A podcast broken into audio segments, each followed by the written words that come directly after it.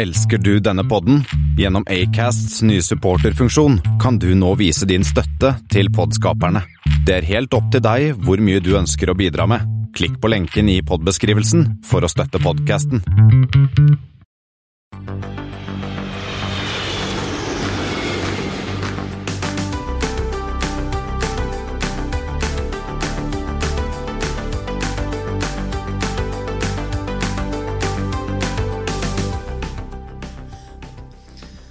Hei og velkommen om bord på Flypotens flight 123. Det har blitt eh, 7. september, og for første gang så er hele det nye mannskapet fysisk samla. I eh, koronasikker avstand, med antibac på bordet og munnbind i bakhånd, så sitter vi alle sammen rundt eh, samme bord. Og sammen med meg, Yngve Angvik, så har jeg med meg Kristian Kamhaug. Espen S. Det har begynt å komme inn trafikktall for eh, flyplassene, men vi håper å få inn alle flyplassene etter hvert og neste uke. SAS og Norwegian har kommet med, eh, kommet med trafikktall eh, for august. Alitalia får mer penger. Wizz får nytt fly, og det samme får Aeroklubben i Göteborg. Velkommen om bord på flight 123. Men først, da, så vil jeg bare fortelle at jeg har vært på en ny flyplass. Oh, hvor har du vært nå? Du vet, vært- men du vet at det er forskjell på vært på og vært på?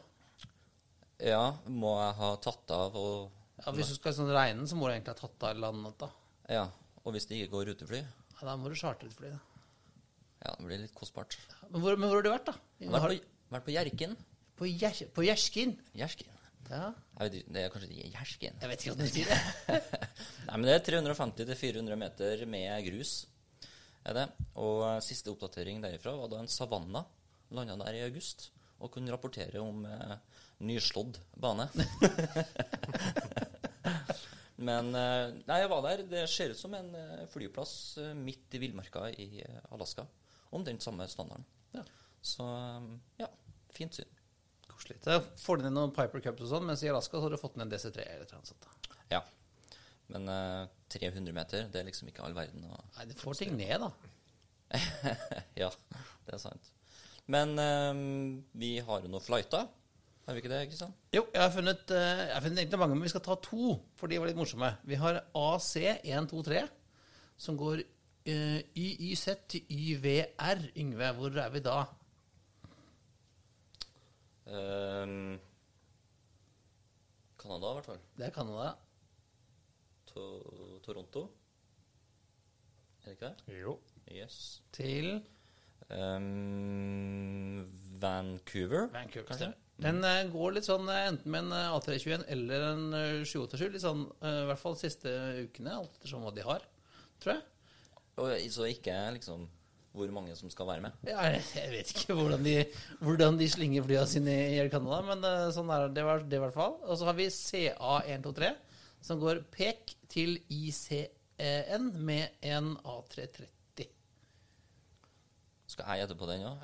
Ja, du, du som er uh, dette, Espen kan dette. Jeg hadde fått kjeft for å bruke pek, koden den- selv istedenfor ICN, men uh, Pek er jo veldig enkelt. Ja. Det er Peking. ja. Beijing. Og så ICN, det da blir Seoul. Seoul. Ja, Incheon. Og selskapet heter Air China. China. Ja, og eh, her er det altså da eh, flere ting eh, likheter, Espen. Hva, hva ser du her? Kan det være at de går? De går, det er riktig. Eh, noe mer? Det er jo AC og så CA, men Ja, det er, ja, Var ikke det litt gøy? eh, Jo. Jeg fant ingen andre kombinasjoner hvor du, hadde, hvor du kunne snu eh, IATA-koden og så finne ut et annet selskap. Og så er det en ting til. Det var Airbus på begge, da. Men eh, Blant, ja. Ja, ja. Det er Star Lions, da. Star Lions, ja. Star Lions, som veldig mange SAS-flyvertinner kaller det. Velkommen til SAS og Star Lions. Det var det også, Når jeg drev og kikka etter flighter, så fant jeg veldig mange. eh, Jeg fant AA123 og DL123, men veldig mange av de var, så, som var sånn Enten så var det noen som hadde trykka feil, eller så var det sånn testflighter eller noe sånt. Veldig mange hadde kikka på flighter der, så var det sånn derre De hadde kjørt fra San Francisco til San Francisco. Eller bare dulla rundt på bakken eller noe. Så det var mye rare greier. Jeg tror liksom man må liksom trykke bare inn. Ja. Veldig enkelt Ah, bare punche inn i etter, to-tre. trekker etter. Ja. Eh, Og så har Yes. vi, Men vi har snakket om eh, JL123 tidligere, Espen. Ja, for det, vi snakket jo om en slags ulykke, eller en hendelse, som var Japan Airlines Var det 105 eller 107? Husker jeg ikke engang. Eh, spiller ingen rolle. Men man har jo en ganske berømt flight. Japan Airlines flight 123. Uh, Og den har dere to begge skjønt sett på Ja, Air Crash Investigators ja, den har vært kjent sendt så mange ganger, og den har vært, jeg tror jeg har lagt flere program om den også. Eh, for dette var en uh, kort innenriksfløyt i Japan mellom eh, Haneda, Tokyo og Osaka eh, i 1985, med da en 747. Ja, en sånn SR. Ja, det var liksom eh, Boeing lagde en litt sånn innenriksversjon av eh, 747. Var enten 100 eller 200. Det ser jo helt like ut. Eh, hvor den ble bygget eh, så den ikke skulle fly så langt, men kunne fly ofte og mye. Eh, dette var jo en eh, si mange seter om bord. Det var Den hadde 524 passasjerer om bord. Eh, og var det hvor det var drøye 500 passasjerer og 15 crew. Eh, det som skjedde jo, var jo at den eh, tok av fra, fra Tokyo. Tilsynelatende gikk alt bra, men etter 15 minutter så sa det bang. Ja, det gjorde jeg, gitt. Ja, for det som eh, vi har vært inne på da på den eh, tidligere Japan-flighten, var at da rear bulkhead, som det heter Det ser ut som en sånn stor liten parabol omtrent. Ba, helt bakerst. Helt bakerst, som da skal passe på at uh, trykket inni er høyere enn det utenfor. Den hadde jo da blitt skadet noen år i forveien. Ja, på denne sånn tailstriken vi snakket om på, på Osaka tilbake i 1990 i 1978. Var det. Ja. Og Boeing selv som drev og reparerte den, eller i hvert fall deres teknikere, men de hadde da reparert den på en feil måte. Det handlet om disse Når man reparerer dette, så nagler man sammen og lager sånne plater. Ja, Så de naglet de feil? Ja, de hadde nagla feil, sånn at slik at istedenfor naglet gjennom tre plater som man skulle, så var det bare gjennom to. Så det var ikke den Det er liksom kort forklart. Eh, så det som skjer da, er jo at det blir en såkalt rapid decompression. Ja, poff. Bare veldig, veldig fort. Og det river med seg eh, hele halen. Ja, og da eh, fly uten hale, det Fly uten hale er veldig ustabilt i lufta, og det hjelper jo heller ikke da at uh, hydraulikken forsvinner jo gjerne også. Ja.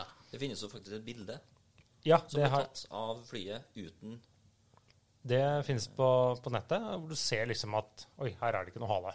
Så de klarte jo å holde flyet i lufta en sånn Kall det sin periode. Det var jo overhodet ikke stabilt eller noe som helst. Forsøkte litt sånn å komme tilbake, men etter hvert mistet de da kontrollen.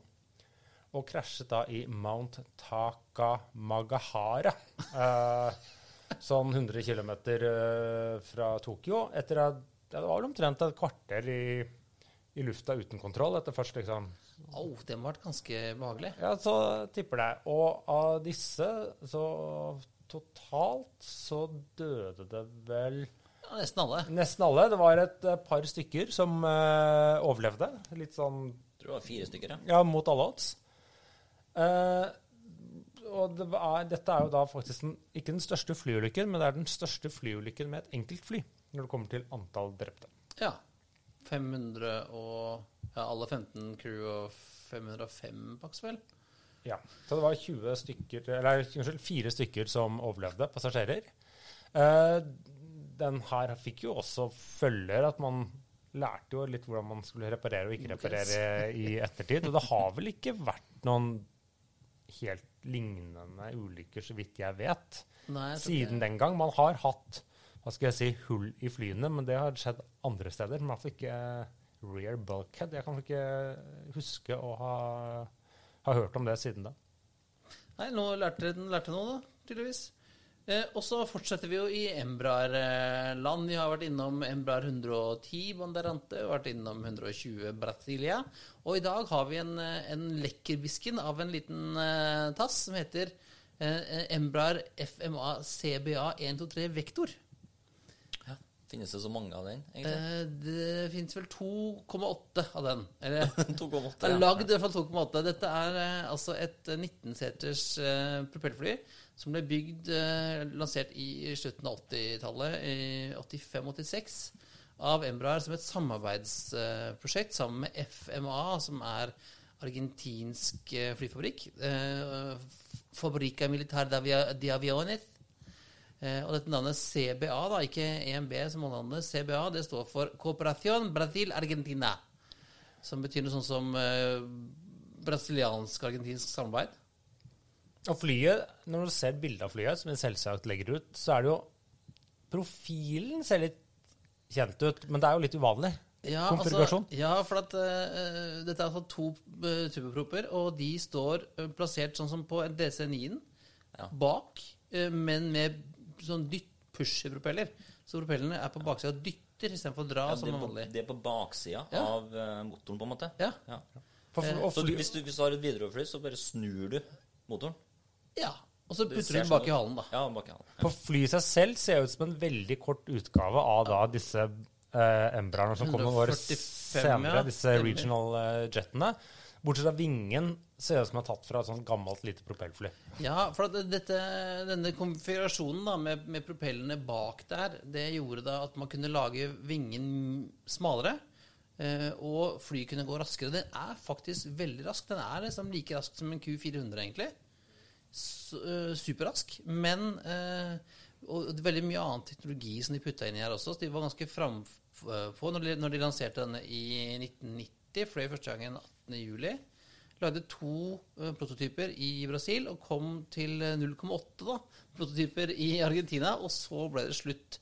Fordi at eh, det var et fantastisk eh, fly. Morsomt eh, og veldig, eh, veldig fin, bra sånn teknologisk, men dyrt. Eh, så de klarte De fant at de kunne ikke klare å selge, selge noen av disse, for de ble fordi de kosta ca. 5 millioner dollar i utsalg. Eh, de brukte 300 millioner dollar omtrent på, på dette prosjektet før det ble kansellert i ja, tidlig 90. Men de kom seg i lufta. Ja, de fikk fløyet i hvert fall to, i hvert fall to av de. Men det som er litt gøy med det flyet, eh, det er jo at mye av den teknologien og det designet ble brukt til et nyere fly. Ja, og den ser du jo ser du på en måte Nesa blant annet er jo veldig lik den eh, Embraer 135-145 jetten. Eh, Og fikk mye, også, mye av den andre teknologien i, i cockpit og avionics og sånn, som de tok med seg inn når de skulle bygge eh, regional jetsen sin. da. Så det var ikke, var ikke bare penger ned i dass. Jeg elsker jo de, de regional jetene som eh, American og sånn driver og flyr med De er små? i. USA. Ja. Det er som du må kle på deg. Små, da. Jeg syns de er kjempefine. Det er litt deilig hvis du har den enseteren. Eh, Ja. Men eh, det er først å komme seg dit da, som er utfordringen. Jeg har fløyet i BMI Regional sine fløy jeg en del ganger når jeg studerte. Ja, Jeg tror jeg fløyt den til eh, Swiss, ned til sy... Nei, ned til, fra Zürich til Nistre. 135? Nei. 145. 145. Og den er, altså, det er jo smågreier. Det er og det er ordentlig hatthyller til og med. Uten, og det er uten sånne dører. Og smått, småtte greier. Ja, I hvert fall på den ene sida. Ja. ikke helt feil? Ja, på den andre er det Nei, ingenting. nei. Mm. Eh, og den minner jo litt om en, en indisk som maskin som ble lagd seinere, som heter eh, Nal Saras, som har samme konfigurasjon, som heller aldri ble noe særlig bygd. da. Så det er litt rart. Det skulle jo vært, eh, skulle vært liksom flere. Den er veldig fin eh, og rask. og ja, eh, Synd at ikke den ble noe av, men eh, 19 setere til 5 millioner dollar var kanskje ikke helt store. Ja, ja. Har vi noe økonomitall, eller, Espen? Om ikke økonomi, så har vi i hvert fall passasjertall. Eh, både Norwegian og SAS har jo presentert sine tall i løpet av den siste uken. Først kom Norwegian. Eh, og det som var nytt denne gangen, tallene er jo like dårlige som de har vært omtrent hele tiden, men nå har de omsider begynt å rapportere kan jeg si, fullverdige rapporter. Ja, det var fin, det var en fin rapport. Ja, så nå begynner de å snakke om eh, Yield og ASK og RPK og alt mulig rart. Eh, men for å ta liksom, hovedpengene er jo at de hadde 330 000 passasjerer. Det er ikke mye, altså. Nei. Og problemet med det er jo at det faktisk var færre enn i juli. Det er 40 000 færre enn i juli. Ja. Slik at de hadde Det er vel litt sånn uh, røde land og sånn, da? Som, Ja, det er nok uh, flere er røde land. også Ferien over, da. Ja, og Norwegian også har jo relativt sett eller prosentvis mer av trafikken sin kanskje utenriks enn en- enkelte andre. Ja. Selv om de er store på norsk innenriks. Uh, sånn at uh, Ja, det ble jo ikke så veldig mange penger i kassa. Jeg tror load-faktoren var 62% Det er ikke snadder når det heter Norwegian, altså. Nei, men jeg føler at i disse dager så er load-faktor et litt sånn hypotetisk begrep. Det er like dårlig egentlig på alle, tror jeg. Uh, ja, vi kommer jo til SAS-tallene Ja. senere. så um, så var vel noen som estimerte at dette ville gi dem sånn 300 millioner kroner i billettinntekter. Så det dekker jo ikke kostnadene. Nei, ikke når de sier de brenner 300-500 i måneden, så Jeg tror det er i tillegg til, men uh, ja. Og ja, så men, men det er hyggelig at de nå rapporterte. Det er bra. Ja. Og så kom da SAS med sine vanlige. De hadde da eh, eh, 717 000 passasjerer i eh, august det med charter. Det var faktisk en vekst. Det vil si, veksten har jo nesten stoppet opp. Tidligere var det sånn omtrent doblet seg for hver måned fra liksom lavpunktet i eh, april. Men det var i hvert fall 12 000 flere enn i juli. Så du kan si at det burde vært mer, for de har økt trafikken, men det gikk i hvert fall ikke ned i antall passasjerer. Nei, og hvis at Norwegian hadde en, en, en load-faktor som gjorde vondt på 62, så kom jo SAS med sine 46,7, og det Ja, det var vel enda lavere enn det var i juli. Slik at uh, de har bra gild, da. Men uh, de, pengene renner ut der også. Uh, men SAS de presenterer jo litt sånn geografisk eh, fordeling. Og der ser man, som alle vet, eller alle sier, at det er veldig store forskjeller. Eh, interkontinentalt for SAS var ned eh, nesten 97 eh, Europa og Skandinavia var ned eh, nesten 82, eh, hvor de sier at eh, jo lenger sør og lenger bort du drar, jo dårligere tror jeg det er. Ja. Mens det er en viss trafikk innen Skandinavia. Mens innenriks, det var bare ned 49 bare ned 49% Ja, ja, men det er, og det er jo mindre nedgang enn det har vært tidligere i år også, hvis jeg ikke husker veldig feil. Ja, det var Jeg husker ikke helt hva juli eh, var på, men det er liksom samme tendensen man ser. Sånn at eh, det viser den at for eh, med masse røde land og reiserestriksjoner osv., så, videre, så er de flyselskapene som ikke har et visst innenriksmarked, har jo et stort problem. Eller at de har en litt sånn Wizz Air som bare setter inn fly der trafikken er sånn her og der plutselig. Ja, ja ja, Det blir jo spennende å se da neste uke. tenker jeg Da har vi jo tallene for alle flyplassene også, så kan vi jo sammenligne litt der også. Det, jeg kikka litt på tallene for juli for uh, Sverige og Norge, og det er store forskjeller. Ja, og det spennende jo nå blir jo å se hva utviklingen har vært. Har Sverige nå litt høyere vekst enn de andre? Har det stoppet opp i Norge? Det er ting som tyder på det. Uh, ja, det blir spennende å se. Ja, og som vi sammenlignet tallene, så var det jo før dette Før verden gikk til helvete med den der pangolinknaskinga, så var jo Norwegian større enn SAS de aller fleste månedene i passasjerer. Nå er jo Norwegian på under halvparten av, av SAS sitt trafikkvolum. Det er jo store forskjeller.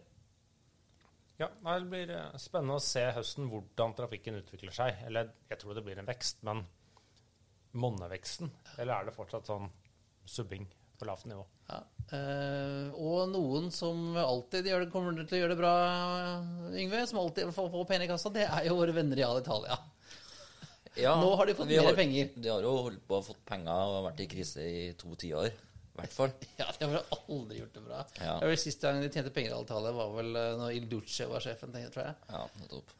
Men nå har jo i hvert fall Europakommisjonen godkjent en italiensk krisepakke på 200 millioner euro. Det er vel rundt 2,1 milliarder norske kroner til Alitalia. Og det er jo naturlig nok koronakrisa som eh, gjør at de må ha de pengene. Men eh, som sagt, det her kommer bare på toppen av alle de pengene de har fått de siste to tiårene. Og det spørs jo da om de egentlig får eh, vinger å fly med i framtida også, eller hva du tror Nei, altså, det, Vi er vel enige om at uh, Alitalia de overløper på et eller annet vis uansett. De finner, seg, finner penger. det er Alitalia og, um, og kakerlakker. De kommer til å overleve apokalypsen. Men det er, jo ikke, det er jo ikke bare det at de får penger, men eh, altså de, Europakommisjonen har jo granska statlige overføringer til dem eh, på 900 millioner euro som eh, Alitalia fikk som lån i 2017. Og sist vinter så starta kommisjonen ytterligere gransking av 400 millioner euro i lån som eh, italienerne ga flyselskapet i 2019. Og eh, i mars i år da, så satte jo eh, den italienske staten i gang prosessen med å renasjonalisere flyselskapet. Og Hvis vi skal si det litt enkelt, da, så er det en forutsetning at uh, Alitalia blir nasjonalisert igjen hvis Europakommisjonen skal gå god for en ny runde med krisepakke. Helt håpløst. Altså, jeg fløyet til Alitalia en gang back in the day, og da Jeg skjønner jo hvorfor de ikke, ikke tjener penger. Ja. For det, er jo ikke akkurat, det var jo ikke akkurat service, dette, dette selskapet. Det var litt sånn Føltes som det var på NSB. Da står det dårlig til. Gamle NSB. Ja. Men um, det er jo sånn at ulike former for statsstøtte kan jo være konkurransevridende. ikke sant? Og det er jo derfor at det ikke er lov. Eh, Men, nå, akkurat fra, nå, nå om dagen føler jeg at er EU-kommisjonen bare lukker øya Ja, nå, ja, nå, nå, til, bare- nå tillater de jo egentlig ja, alt. Ja, de på. Er det noen som har fått nei til nå? Nei. Nei. Ikke etter uh, Eller, altså, det er jo Det er selskaper som har fått nei av myndighetene, men når myndighetene først har gitt Det er vel ingen nå at EU-kommisjonen etter det har sagt at det er ingen som liksom har fått uh, avslag når de har søkt. Men Alitalia de slet jo veldig med å få uh, krisepakke i utgangspunktet. ikke sant? Så de, hun, eh, konkurransekommissæren til EU, Margrethe Vestager, har jo gått ut flere ganger og sagt at eh, Eller lagt noen forutsetninger da, for at Alitalia skal få de pengene. Men det er jo ikke noe tvil om at den koronakrisa gjør at eh, artikkel 117 i EUs eh, traktat for virkemåte, eller virkemåte, da, eh, blir brukt ganske heftig om dagen. Det er, det er en grunn til at vi tok med han her inn i podden, Espen. Jeg ser han er utenrikspolitisk Ja, nå har vi fått eh, Og politisk og alt mulig rart. Nei, jeg snakker ikke så mye om politikk, i hvert fall ikke Nei, Nå har vi fått en ekspert på EU, da. EU EU-regler.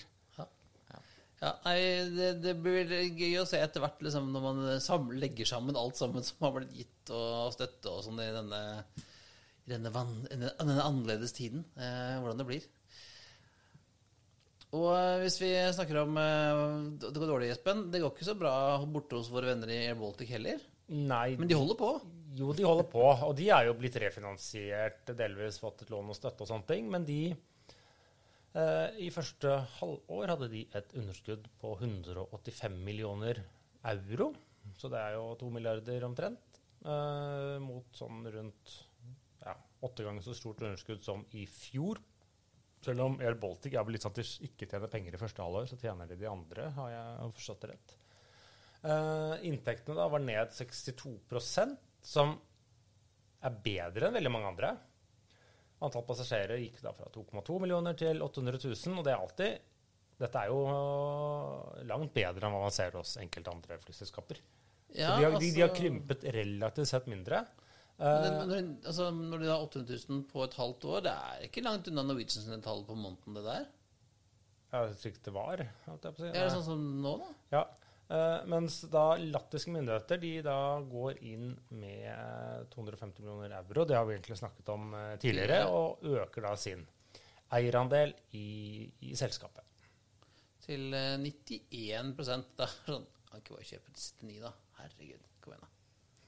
Ja, det er iallfall noen som sitter på dem. Men uh, mens vi er i Øst-Europa, har noen fått seg et nytt fly? Eller har de egentlig det? Ja, altså det, vi, det, vi, Hvem tok, har fått? ja, vi tok den Dagbladet-versjonen er Wizz Air for A330. Det er Dagbladet-versjonen. Eh, men det viser seg jo egentlig at det er jo de ungarske myndighetene, altså Utenriksdepartementet i Ungarn, som har kjøpt seg eh, en eks-Qatar Airways A330-200F. Men de har ingen som kan fly dem. Nei, fordi at eh, vanligvis Veldig mange andre land har jo store transportfly som flys av Forsvaret, men det ungarske utenriksdepartementet har eh, bestemt seg for å gi Wizz Air oppdraget med å fly denne maskinen. Fordi de sier at det er ikke alle land som tillater militærfly, særlig i eh, øst i Asia så er det mange som ikke tillater den type fly inn. Ehm, jeg vil tippe Kina. Eh, og da eh, har de da gitt uh, Wizz Air oppdraget om å være en sånn operating carrier på denne 330-frakteren, som skal fly nå i første omgang, så er det vel snakk om eh, å fly frakt.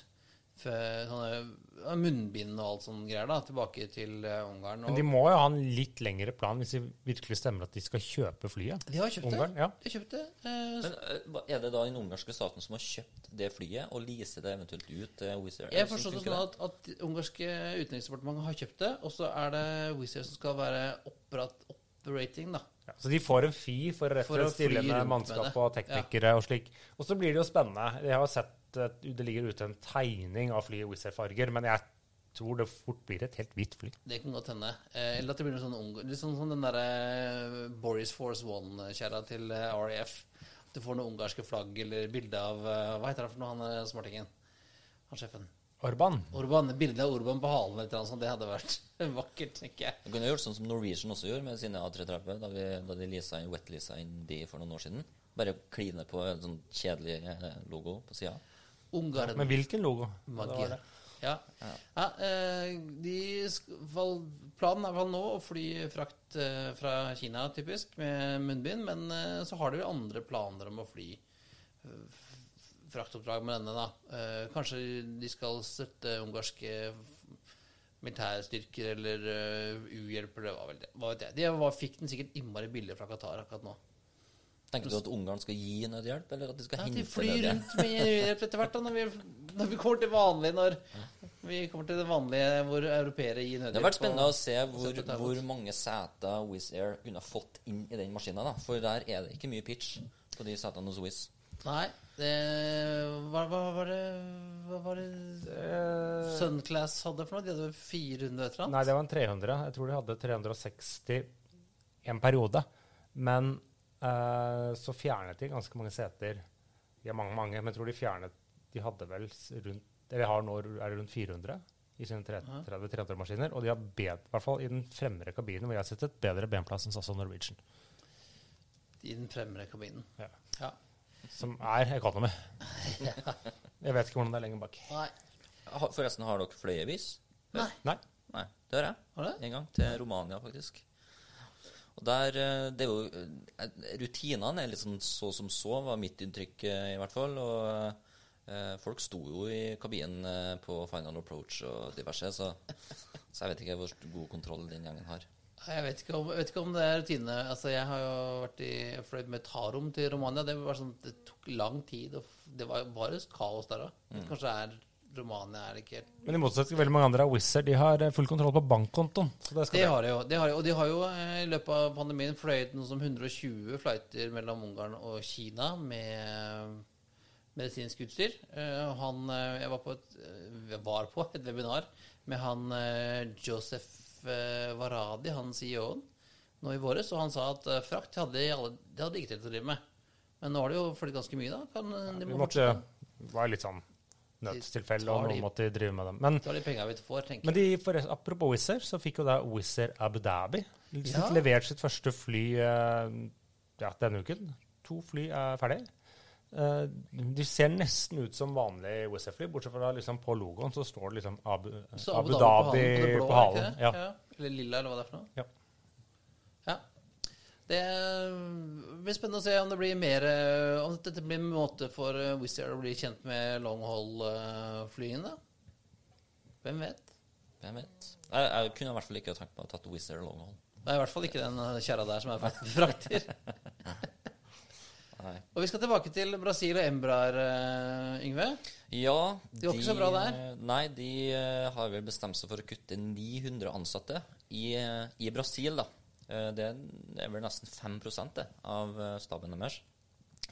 Og eh, Eller de har vel kanskje noe produksjon i Portugal og sånn også? Det vet jeg Eller, ikke. jeg- er det at de kanskje har noe deler, Ja. del, delebutikk eller et eller annet sånt, Ja. noe, men i hvert fall ikke flymonteringen er jo Ja, i Brasil. er jo, den er jo i Brasil. Men uh, privatfly, det driver de og produserer i Orlando, faktisk. Ja. Så det er jo noen folk der òg. De der fenomene. Ja, ja, ja, stemmer.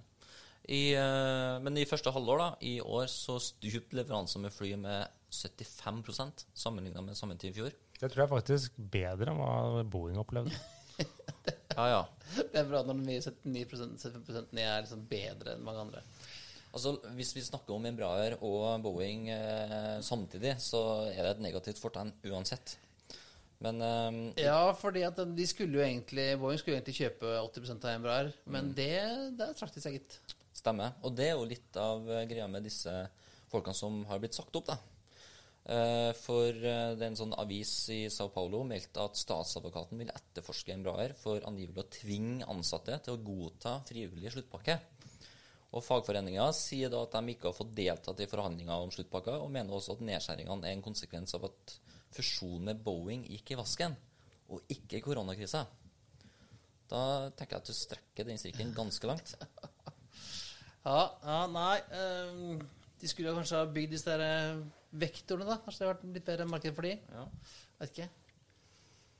Men vi holder oss til Vi er i Sør-Amerika. Vi er i Sør-Amerika. Ja, det Vi i Ecuador så Skal du, skal, du, synge den sangen nå, eller? Ja, det har jeg holdt på å gjøre.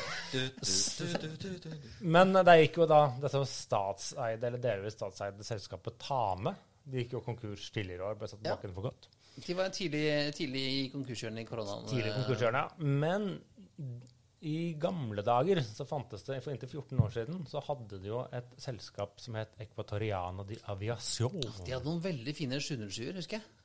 I fine eller speisa, eller Ja, det hva du skal altså, kalle det. det. Var litt, det var annerledes, da, kan du si. Men der er det da noen lokale helter som tenker at oi, nå er det plass til kanskje en til, så da vekker vi til live det gamle Equatoriana-navnet og starter et nytt flyselskap. Eh, det er jo lite konkret. De har liksom slengt fra seg noen sånne klassiske ruter de tenker på, innenriks og regionalt. Eh, og det er litt sånn Ja, vi tenker kanskje en miks av noen propellfly. Enten ATR-er og er 28 sammen. Da. Enten Airbus A220, Airbus A3, 19 eller Det er sånn- 20-serien eller 737, eller hva vi finner. Et eller annet. Så det er foreløpig ganske relativt sett lite konkret, da. Ja. Men eh, det har jo Det finnes jo masse eksempler på, på caser hvor de har tatt et gammelt navn, og, og det har fungert. Eastern, eksempel, funka jo veldig bra både tredje og fjerde gangen, det. Ja, men du, nå leste jeg en uh, apropos, is, ja, men akkurat på Eastern nå, så gjør de det sånn OK, for de har hatt uh, de har fått nye farger og alt nå også nå, så det ser ikke ut som gamle Eastern. For de har fått mye sånne der Ja, troppetransportoppdrag og andre sånne charter. Så de flyr med disse haugamle 767-erne sine, både 200 og 300 i USA nå. Er, han, eh, er de som starta det, venner av eh, Donald Trump? Eller virker som om det er dem som til for å få en kontrakt om dagen? Ja, hvem vet. Men uh, rekker vi en liten tur innom Sverige? Ja. Uh, Sverige er jo blitt uh, litt gult igjen her og der. Men ikke i Bohuslän. Der finnes det jo Göteborg. Og det er ikke ofte vi snakker om, om GA, Espen. Det har vi fått litt kjeft for. Men vi har en sak her, en gladsak. Fra Aeroklubben Göteborg CV. De har fått seg et nytt fly. En Pipstrel Velis Electro. Og det er da deres og Sveriges første helelektriske fly. Eh, ifølge en av medlemmene, som, eh, som er en eh, friend of the pod, han sier at den skal primært brukes til skoleflyging. Ha en rekkevidde på ca. en time, men med sånne reserver og sånn, så er det reelt 45 minutter. Det er en ganske liten tosetter. De har den, eh, den klassiske Pipstrel Velisen fra før av, som går på noe fossilt eh, drivstoff, men nå skal altså de få, har de altså fått denne elektriske, og venter nå på godkjenning fra svenske luftfartsmyndigheter for å kunne få lov til å fly den rundt omkring, da. Ikke til Norge, da, for det, det får de ikke lov til. Nei. Ja, du kunne kanskje komme inn i norsk luftrom, men ikke Altså, så mye mer du enn får det. kommer ikke ned, da. Får ikke komme ned. ja. det. Folk kan jo sikkert fly over. Ja, men altså, hvis du lander på Hjerkinn, så er det ingen som ser det uansett. Nei, det er sant. Det er sant. Fra Göteborg på en time, vet ikke. Hva er nærmeste flyplass? Rakkestad? Klarer han å komme seg dit? Nei, du burde- kommer deg vel til Kjeller, ikke det? Jeg vet ikke. Jeg vet ikke. Jeg har vært fall Rygge, da. Ja. Men uh, apropos elfly. eh, statssekretæren vår i Kunnskapsdepartementet hun var jo den som var med på den famøse turen i Arendal ja. med vårt lille, lille elfly. Ja. Så det var en Ja, Hvordan uh, syns du det var? Vått? Ja, det var Jeg uh, hun kan jo kanskje fortelle den historien sjøl, men uh, hun kava vel litt for å komme seg ut av det flyet og opp på vingen. Men det gikk jo veldig, veldig bra, da. Ja, jeg husker eh, det var, Jeg syns det var gøy at Dag Fall Pedersen stilte opp i NRK Dagsrevyen samme kveld som fortalte om det. Han mangla bare den der plasterlapp på panna eller noe sånt. For liksom, ja, ja, ja, det krasja litt, men eh, Det er sånn som skjer. det er sånt som skjer. Han er jo en eh, fyr som har fløyet eh, mye rart opp igjennom. Jeg traff han jo sist på den SK 600-fløyten med siste med 736-600. Og han har fløyet mye rart. Eh, og apropos elfly, så har vi eh, Jeg skal til Bergen i høstferien, og da har jeg fått en avtale med han Eric Litium, som driver Elfly eh, AS. Erik Litium, han burde hete Litium, men Ja, han heter li- Litium. Litium, ja. Ja. Eh, og da får vi en liten prat med han, og får vi litt mer om tankene rundt eh, mer elflysatsing i Norge.